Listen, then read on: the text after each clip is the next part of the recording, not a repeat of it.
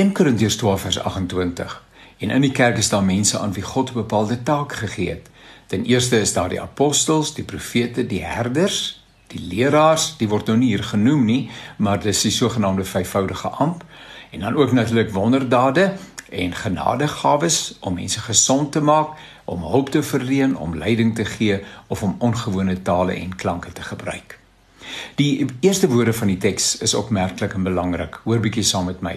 En in die kerk is daar mense. Die kerk is daar mense.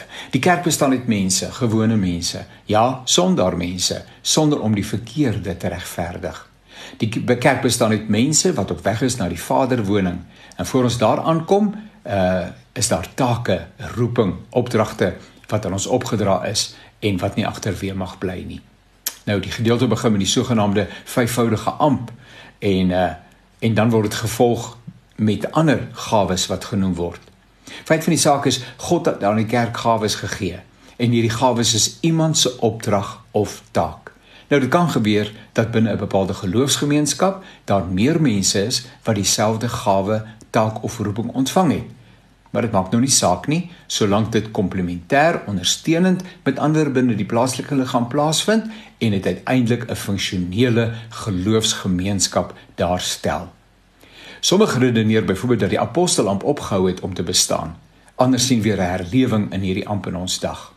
Maar ons gaan nou nie op 'n in 'n bespreking in nie. Die bedoeling van hierdie dagstukkie is om jou aandag te vestig op die belangrike rol wat elke belydende lidmaat en gelowige het om te speel binne die plaaslike geloofsgemeenskap. Paulus noem hier ook ander gawes, die wat wonderdade kan doen, die wat genades ontgawes ontvang het om gesond te maak, om hulp te verleen, om leiding te gee, tale en klanke te gebruik.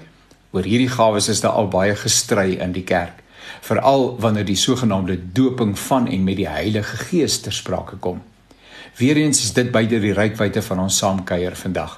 Maar die hoofsaak is dat elke individuele lidmaat, gelowige, sal onderskei wat die taak en die roeping is wat die Here op sy of haar lewe geplaas het.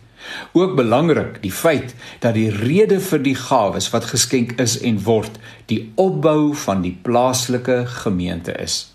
Wie roem moet in Christus roem. 'n Mens maak nie regmerkies agter jou kamerdeur omdat jy wat ook al gedoen het of sogenaamd reg gekry het nie. Nee, veel eerder beskou jy dit as 'n enorme voorreg om 'n deelgenoot te wees, 'n medewerker met God, die Heilige Gees en saam met ander gelowiges. Die vraag is uiteraard, weet ons, weet ek, weet jy waarvoor die Here elkeen van ons individueel roep?